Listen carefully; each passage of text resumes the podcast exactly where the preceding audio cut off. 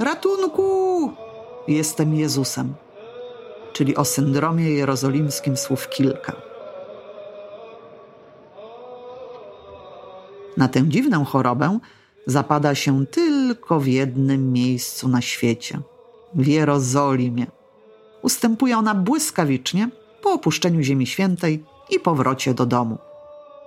Najwcześniejsze objawy syndromu zostały opisane przez kronikarzy już w średniowieczu. Także przyznacie sami, że choroba ta ma dość długą tradycję. Syndrom jerozolimski zależy nie tylko od położenia geograficznego, ale także wyznania chorego. Dotyka głównie chrześcijan i Żydów, sporadycznie również muzułmanów. Co ciekawe, przedstawiciele innych religii i ateiści go nie doświadczają. Zapada na niego do 200 pielgrzymów turystów rocznie.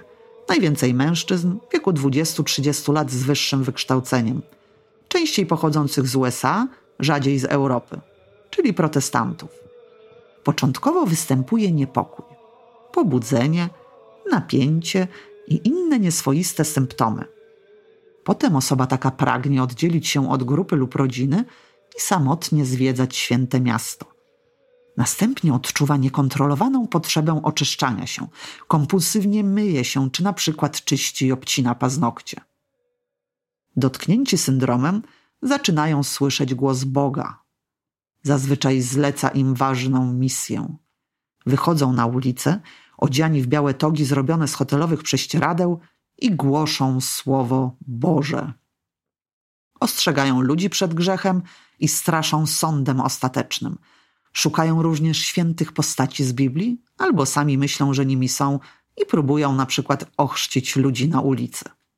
Niektórzy biegają po wąskich jerozolimskich uliczkach z drewnianym krzyżem na plecach, myśląc, że są Jezusem Chrystusem. Hmm, także tego, jeśli będąc w Jerozolimie zauważysz u siebie bądź bliskich nadmierną potrzebę oczyszczania, uważaj, bo możesz mieć zaraz do czynienia z Marią Magdaleną, Jezusem bądź Mojżeszem. Niestety jedynym ratunkiem jest opuszczenie Ziemi Świętej, gdyż to atmosfera świętego miasta tak wpływa na delikwenta. W periodyku Psychiatria Polska został opisany przypadek kobiety, którą mąż przywiózł prosto z lotniska do Instytutu Neurologii i Psychiatrii w Warszawie. Uczestniczyła z nim w wycieczce po Izraelu oraz Egipcie. Przerażony mężczyzna opowiadał, że musieli przerwać podróż, bo jego żona zaczęła się jakoś tak powiedzmy bardzo dziwnie zachowywać. Przestała spać, maniakalnie wszystko czyściła, hm, lizała podłogę w hotelu, a przechodniom na ulicy próbowała rozdawać wodę, twierdząc, że zamieniła ją w wino. Niemal nie wychodziła z kościoła, obsesyjnie się modląc. Zdiagnozowano u niej syndrom jerozolimski. W szpitalu spędziła miesiąc. Przy wypisie pacjentka zadeklarowała, że już nigdy, ale już nigdy nie pojedzie do Ziemi Świętej. Jezus? Mojżesz? A może Jan Chrzciciel – Chrześcijanie częściej utożsamiają się z postaciami z Nowego Testamentu, na przykład z Jezusem czy Janem Chrzcicielem. Natomiast Żydzi, no wiadomo, starsi bracia w wierze, z postaciami ze Starego Testamentu. Mojżeszem, Samsonem na przykład, może królem Dawidem, no i oczywiście długo oczekiwanym Mesjaszem.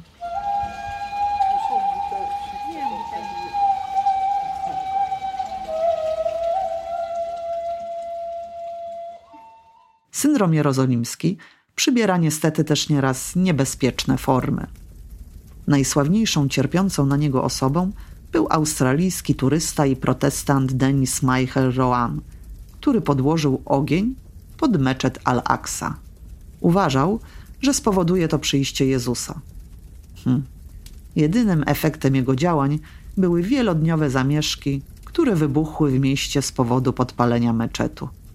Ach, ta Jerozolima, święte miasto.